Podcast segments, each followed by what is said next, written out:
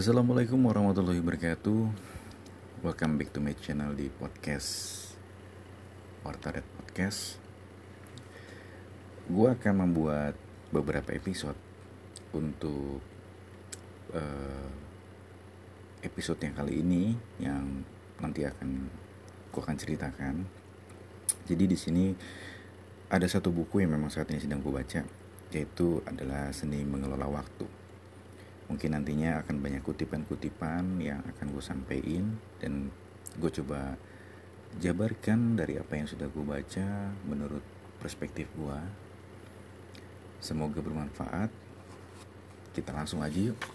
Buku ini adalah bercerita uh, bagaimana kita mengelola dan manajemen waktu agar waktu itu bisa kita gunakan menjadi lebih efektif dan juga efisien.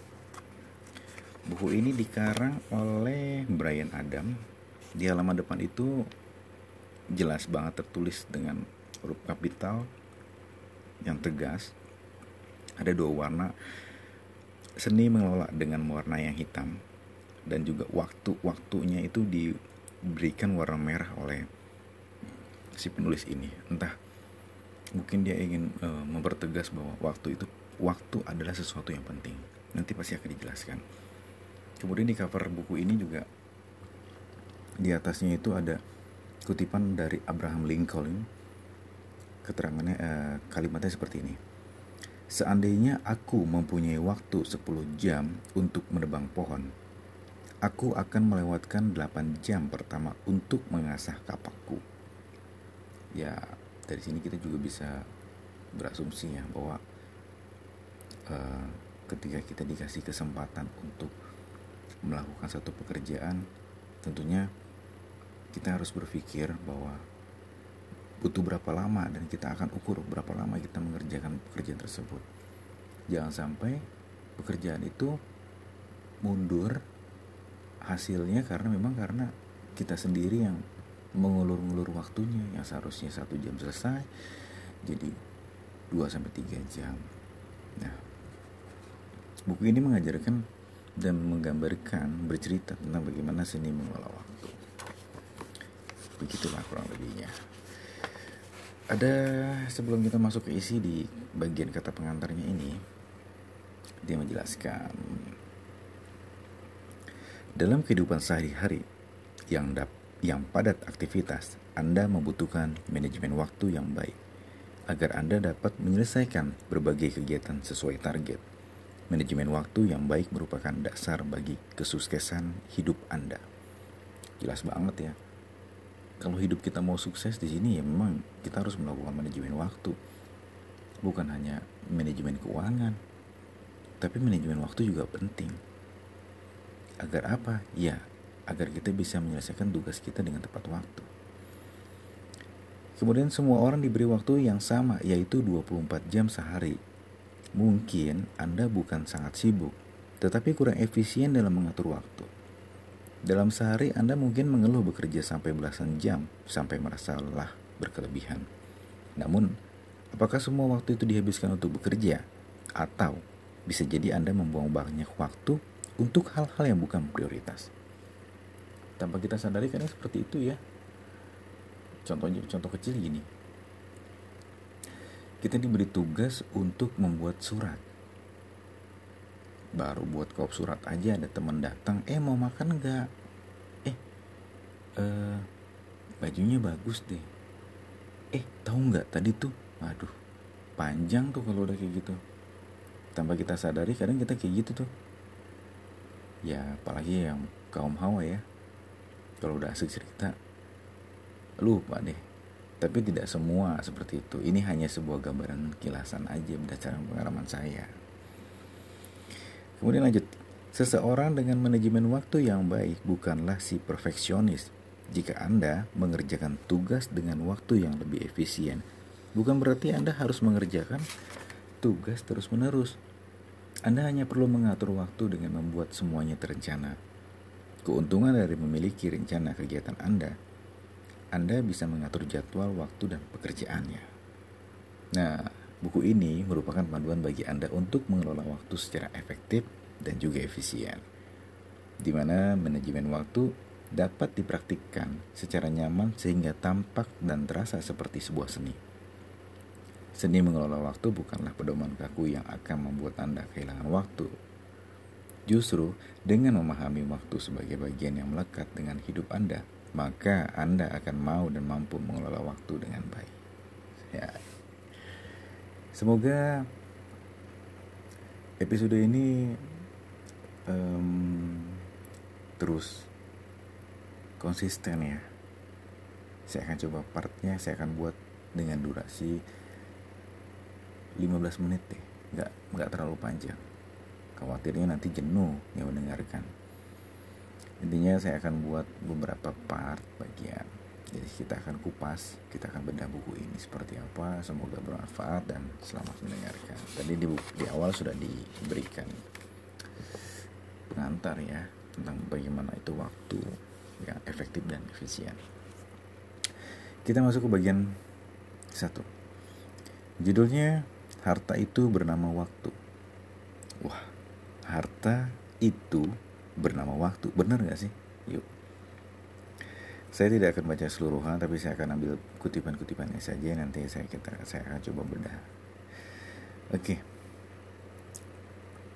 Um, waktu merupakan komoditas yang terbatas. Semua orang mempunyai sumber waktu yang sama yaitu 24 jam atau 86.400 detik setiap hari. Namun tidak semua orang bisa memanfaatkan waktunya.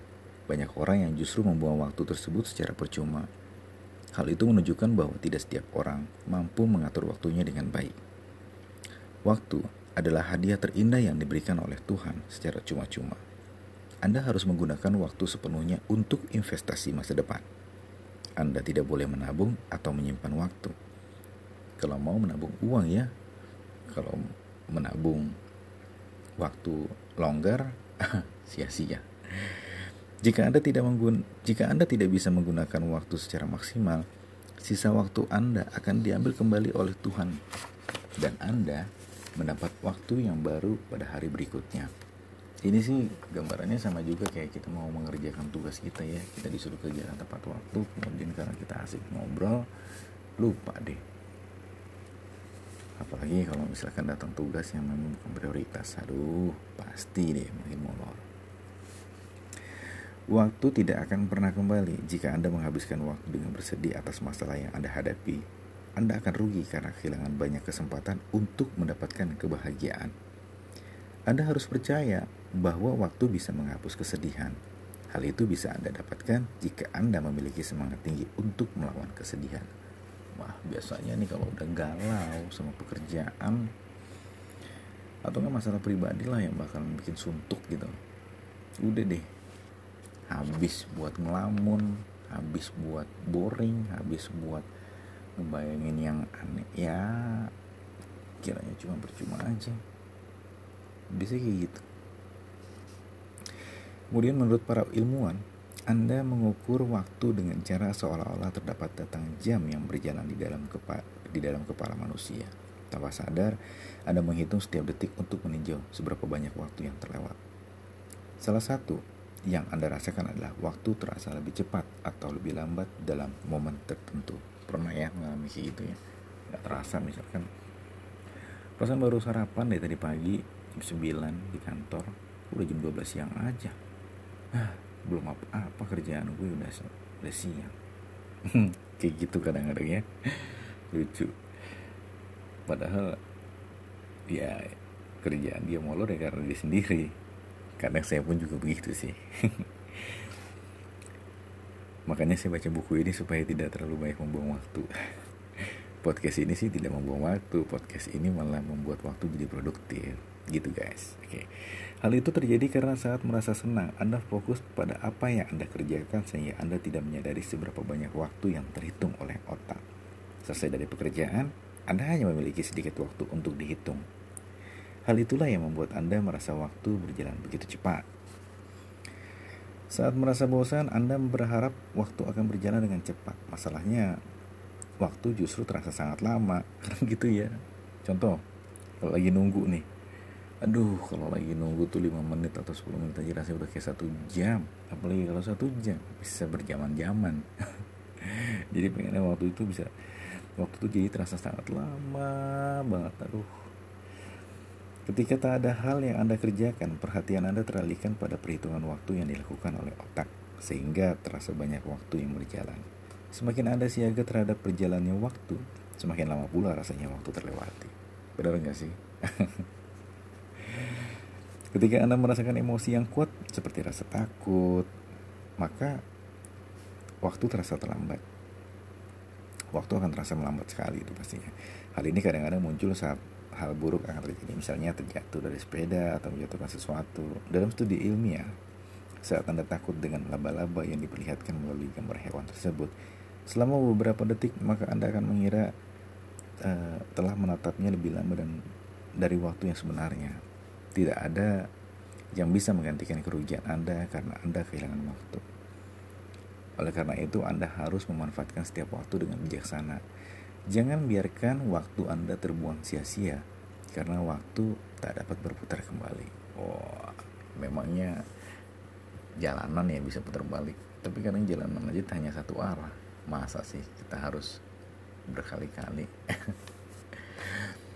Anda harus mampu mengatur waktu untuk mengerjakan setiap tugas-tugas yang harus diselesaikan. Usahakan setiap pekerjaan bisa selesai dengan tepat pada waktunya sehingga pekerjaan itu tidak menumpuk. Jangan pernah menunda suatu pekerjaan karena Anda bisa kehilangan waktu yang longgar untuk menyelesaikannya. Biasakanlah datang tepat waktu untuk acara apa pun agar Anda bisa bersikap disiplin dengan menghargai waktu. Ya, kayak misalkan berangkat kerja ya atau berangkat sekolah deh mepet waktunya. Aduh, masih masih lama nih. Aduh, nanti deh kalau udah tinggal 15 menit lagi ya ada aja hambatan yang muncul. Iya kan? 15 menit sebelum mulai sehingga akhirnya kita jadi buru-buru. Kita hanya kita tenang santai jadi buru-buru tuh. Membuat performa kita juga menurun. Anda harus lebih menghargai waktu dan memanfaatkannya untuk hal-hal yang bermanfaat. Jangan sampai nih waktu Anda terbuang sia-sia karena itu akan merugikan Anda. Waktu terus berjalan dan tidak akan pernah bisa diulang kembali. Banyak hal yang bisa Anda lakukan untuk memanfaatkan setiap waktu dan kesempatan. Misalnya, belajar, bekerja, melakukan berbagai aktivitas positif dan sebagainya. Pengaturan waktu yang baik merupakan faktor penting untuk mengantar Anda pada kesuksesan. Kesuksesan, ingatlah bahwa orang sukses selalu memiliki target tentang apa yang akan diselesaikan dalam waktu tertentu jadi dia tidak akan mengerjakan buru-buru dia sudah mengukur nih apa yang dikerjakan. Oh ini misalkan nyapu lah. Nyapu itu kan paling cuma butuh 15 menit lah paling lama. Kan rumahnya nggak gede gede banget cukup maksudnya. Jadi nggak perlu lah kita mengambil apa minum dulu duduk dulu ngeliat TV dulu berpikir. Yang harus kita kerjakan apa ya? Udah itu aja fokus. Gitu mas bro ya. Kemudian mengelola waktu dengan baik sangat diperlukan supaya anda bisa menyelesaikan banyak pekerjaan dan mewujudkan rencana-rencana anda. Waktu memang sangat berperan apalagi kita adalah memanfaatkan untuk hal-hal yang besar dan penting dalam kehidupan anda. Atur waktu sebaik mungkin jika Anda tidak ingin semua waktu itu terbuang. Gunakan dengan bijaksana dan sepenuhnya untuk hal-hal yang penting dan bermanfaat untuk kebaikan Anda pastinya ya kan? Waktu memang sangat bermakna. Seiring berjalannya waktu nasib Anda akan berubah. Jika semula Anda berada di bawah waktu bisa membuat Anda berada di atas. Begitu pula sebaliknya tugas Anda adalah berdoa dan bekerja. Berdoa dan bekerja keras. Iya kan Oke. Okay. Jadi ini yang sudah saya sampaikan. Waktu durasi akan 15 menit dikit lagi. Kita cukupkan dulu ya materinya. Nanti kan kita beda lagi yang jelas menarik banget baca buku ini. Jadi kita tuh berpikir bahwa oh selama ini gue tuh cuma buang-buang waktu doang ya. Aduh selama ini gue beli sesuatu yang gak penting harus gue beli jajan dan sebagainya. Jadi cukup hari ini um, podcastnya bersama saya uh, editing. Okay. Thank you. See you and next time. Assalamualaikum warahmatullahi wabarakatuh. Welcome back to my podcast di Warta Podcast. Bersama saya Roy Syadi Fahmi di sini. Oke, okay, um, seperti yang saya janjikan sebelumnya, jadi saya buat episode rutin ya setiap hari. Saya akan membedah satu buku, yaitu bukunya dari Bas Brian Adam dengan judul Seni Mengelola Waktu. Yang sebelumnya saya sudah bercerita apa itu waktu, definisi waktu. Kemudian saya akan masuk di part 2-nya yaitu manajemen waktu. Oke. Waktu terus bergerak sementara upaya mencapai tujuan masih belum terlaksana. Itulah salah satu tujuan manajemen waktu yang akan sangat membantu Anda dalam meraih tujuan hidup yang telah lama diimpikan. Manajemen waktu merupakan sebuah keterampilan mengatur waktu. Kesuksesan Anda tergantung pada cara Anda mengatur waktu sebaik mungkin. Mengelola waktu adalah kunci utama dari semua kesuksesan dalam hal apa pun. Anda dapat mengambil manfaatnya dan memetik hasil dari perjuangan yang tepat. Ya, inilah menjadi sebuah gambarannya ya dari manajemen waktu itu. Kemudian, Manajemen waktu yang sesuai dengan kebutuhan dapat membantu Anda dalam menyelesaikan pekerjaan secara cepat. Apa pun prioritas hidup Anda, mempelajari cara mengatur waktu akan membantu Anda dalam mencapai tujuan hidup. Manajemen waktu merupakan alat yang efektif untuk membantu Anda meraih sasaran hidup.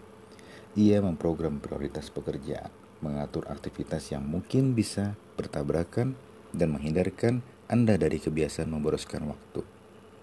Kedisiplinan dalam mengatur waktu akan membuat Anda mampu menyelesaikan pekerjaan tepat pada waktunya, bahkan lebih cepat dari batasan yang ditetapkan.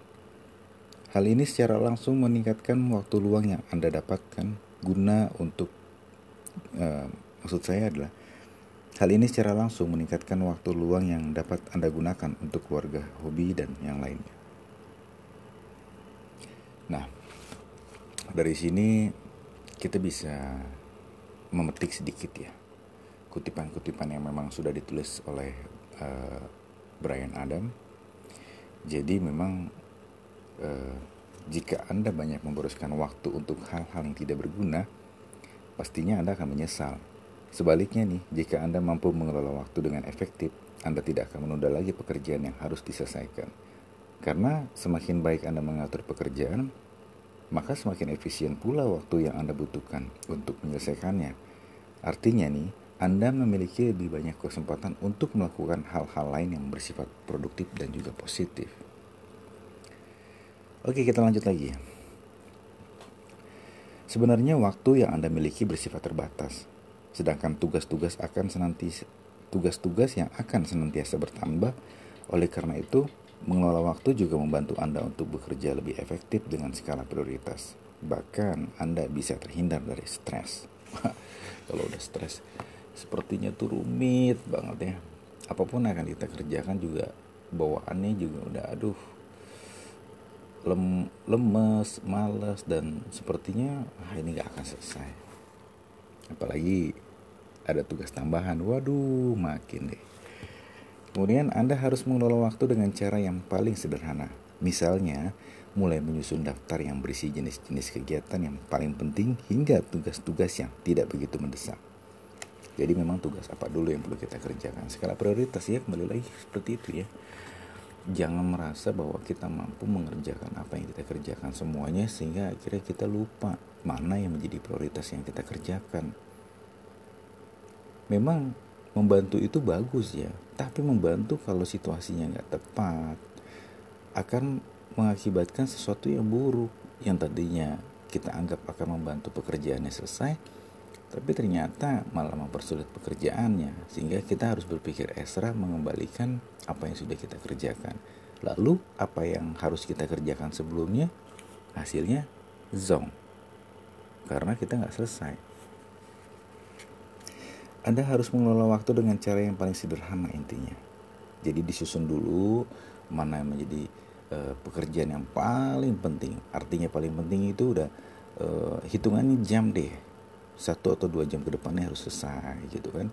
Baru nanti kita susun lagi mana memang uh, setelah makan siang atau mungkin nanti ya menjelang menjelang sore atau mungkin uh, nanti pekerjaan ini bisa dikatakan cukup mudah kok sambil lalu bisa nah, jadi seperti itu jangan terbalik-balik ya dan malah kita capek sendiri. Manajemen waktu dapat membuat anda menyelesaikan pekerjaan secara cepat. Kualitas kehidupan anda dalam pekerjaan maupun di luar pekerjaan pun akan meningkat. On time adalah ciri khas orang-orang yang disiplin. Nah ayo siapa nih di antara kita masih terkadang kita nggak on time? Janjian jam 7 jam 7 baru bangun baru mandi baru jalan mungkin yang harusnya sudah sampai di lokasi sudah melakukan aktivitas tapi malah jadi tergesa-gesa. Kalau sudah tergesa-gesa sudah deh pola nafas kita nggak teratur pikiran kita menjadi bercabang stres belum melakukan sesuatu juga udah lemes udah tegang. Ya akhirnya endingnya malah jadinya nggak maksimal. Nah ini perlu dipikirkan kembali. Orang-orang yang tepat, orang-orang yang e, memang disiplin waktu selalu menghargai waktu sebagai sesuatu yang penting dan mereka menggunakannya secara bijaksana. Reputasi kedisiplinan seseorang tak perlu dikampanyekan karena kedisiplinan dalam manajemen waktu secara otomatis akan menaikkan reputasi seseorang. Tuh, buku ini mengajarkan seperti itu tuh kalau kita disiplin pasti deh orang lain juga akan menghargai kita. Orang lain juga nggak akan semudah itu menganggap kita tuh jadi orang yang nggak uh, apa nggak matang gitu. Artinya ya ini orang cuma coba-coba aja nih. Jadi kalau kita dagang atau usaha terus kemudian kita nggak tepat waktu sudah habis lah. Barang kita diambil orang nantinya. Kemudian Mengatur waktu berkaitan dengan kondisi psikologis Anda. Ketidakmampuan Anda dalam mengelola kegiatan atau tugas dengan baik dapat membuat Anda bingung, pusing, keteteran, dan stres. Kalau sudah begitu, cobalah untuk mengelola waktu dengan benar. Misalnya dengan mendaftar kegiatan, kalau Anda bisa bertahan dengan mengikuti aturan tersebut, maka sedikit demi sedikit gejala stres yang dialami pun akan berkurang. Saya sih menambahkan ya setidaknya Anda duduk tenang dulu, minum air putih, tarik nafas panjang, buang, tarik nafas lagi, tahan, buang. Seperti itu aja dulu lakukan selama 10 atau 15 menit. Pasti rileks kok. Atau jangan, jangan, jangan lama-lama deh. 5 menit deh kalian lakukan itu dulu sebelum melakukan kegiatan.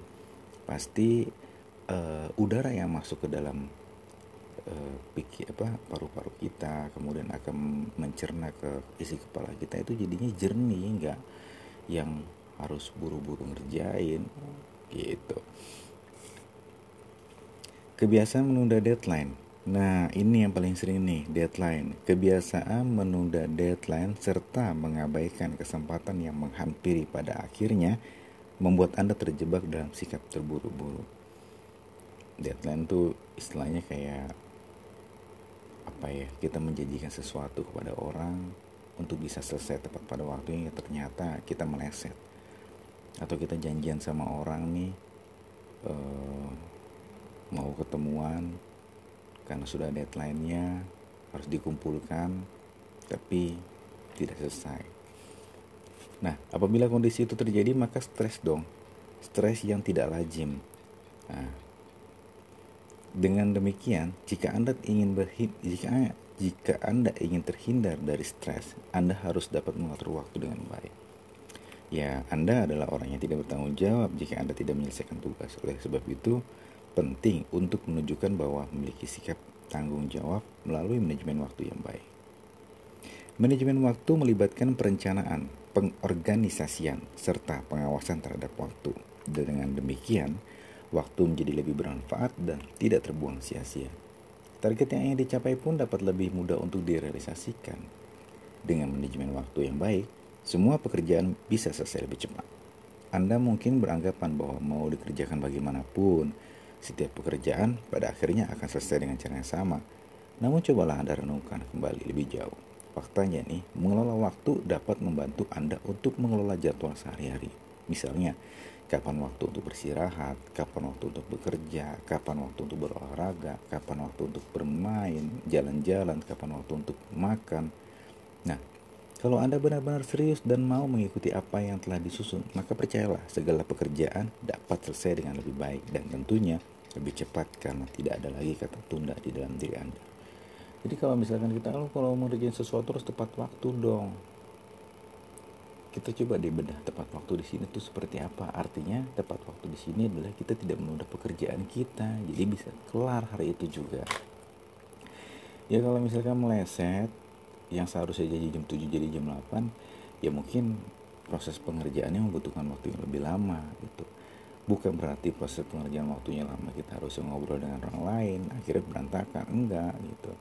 Makanya dalam setiap janji kepada orang lain ya usahakan sih jangan terlalu mepet-mepet banget. Dan kita harus ukur juga kemampuan kita sampai di mana dan apa yang kita kerjakan Manajemen waktu tidak hanya sebatas pada menyusun rencana kegiatan berdasarkan prioritas. Anda juga dapat memetakan kegiatan dengan membedakan pekerjaan kantor, keluarga, dan pribadi. Jadi sudah ada waktu yang jelas kapan uh, pikiran dan tenaga fokus untuk kantor atau keluarga dan Anda lebih mudah mengambil sikap sehingga Anda menjadi orang yang profesional dan tidak mencampur adukan berbagai urusan.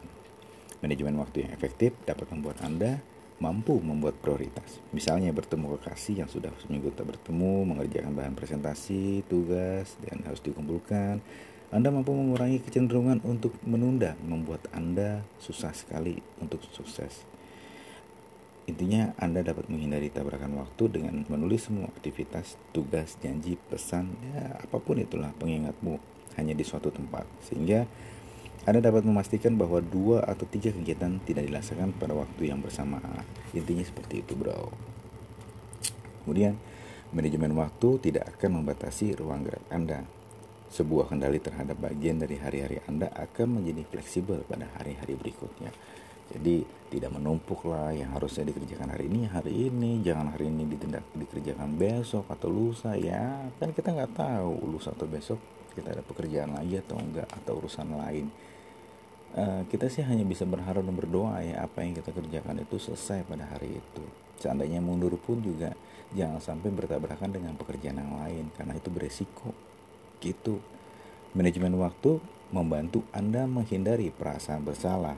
Anda akan belajar dengan nyaman jika Anda menyediakan waktu tertentu untuk melakukannya. Ingat, tanpa sebuah rencana untuk mengerjakan tugas saat ini, Anda mungkin merasa terbebani, bahkan ketika Anda tidak sedang mengerjakan tugas tersebut. Kemudian, manajemen waktu juga dapat membantu mengevaluasi kemajuan Anda. Jika Anda menyadari bahwa Anda dapat membaca 75 halaman per minggu, sedangkan pada minggu ini Anda hanya membaca 60 halaman, maka anda memerlukan kalkulator untuk mengetahui bahwa Anda memang tertinggal pada minggu ini. Dengan demikian, anda akan mengetahui posisi Anda seperti apa. Gitu teman-teman. Jadi memang penting banget ya kita untuk manajemen waktu kita sendiri. Manajemen waktu itu kan bukan hanya untuk kita urusannya dengan pekerjaan aja, kita bisa alihkan dengan mungkin bersama keluarga atau bersama teman atau mungkin bersama kolega gitu atau mungkin bisa sama diri kita sendiri manajemen waktu di saat kita hari libur mau seperti apa sih apa karena memang hari libur kita bangunnya siang? Ya janganlah.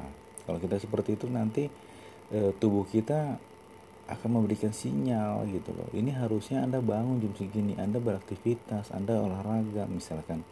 Anda makan kok tiba-tiba sinyal-sinyal ini kamu cuekin aja dan akhirnya badan kamu lemes. Tuh. Banyak yang seperti itu. Karena e, kalau kita lalai terhadap tugas dan tanggung jawab kita akhirnya kita sendiri yang rugi gitu teman-teman. Itu perlu dipahami lah. Intinya setiap orang di dunia pasti memiliki tujuan hidup. Sayangnya tidak semua orang berhasil mencapai tujuan tersebut. Kebanyakan yang menjadi penyebab dan kegagalan tersebut adalah kelalaian dalam mengelola waktu yang baik. Ibarat uang waktu sangatlah berharga. Ini peribahasa ini muncul terus di mana-mana ya. Karena bedanya uang bisa anda dapatkan kembali jika hilang sedangkan waktu yang hilang kapan pun tidak akan pernah bisa kembali. Oke, okay, uh, eh, hari itu uh, oke okay, cukup hari ini kupasan saya di bab 2 tentang manajemen waktu. Semoga bermanfaat. Semoga apa yang saya sampaikan ini menjadi pertimbangan buat Anda untuk mengatur waktu sebaik mungkin, semaksimal mungkin. Ya. So, Thank you untuk udah mendengarkan saya di Warta Podcast. Next untuk uh, podcast di episode berikutnya untuk hari esok kita akan lanjut dengan tema yang berbeda. Tetap di sepeda buku. Thank you. Bye.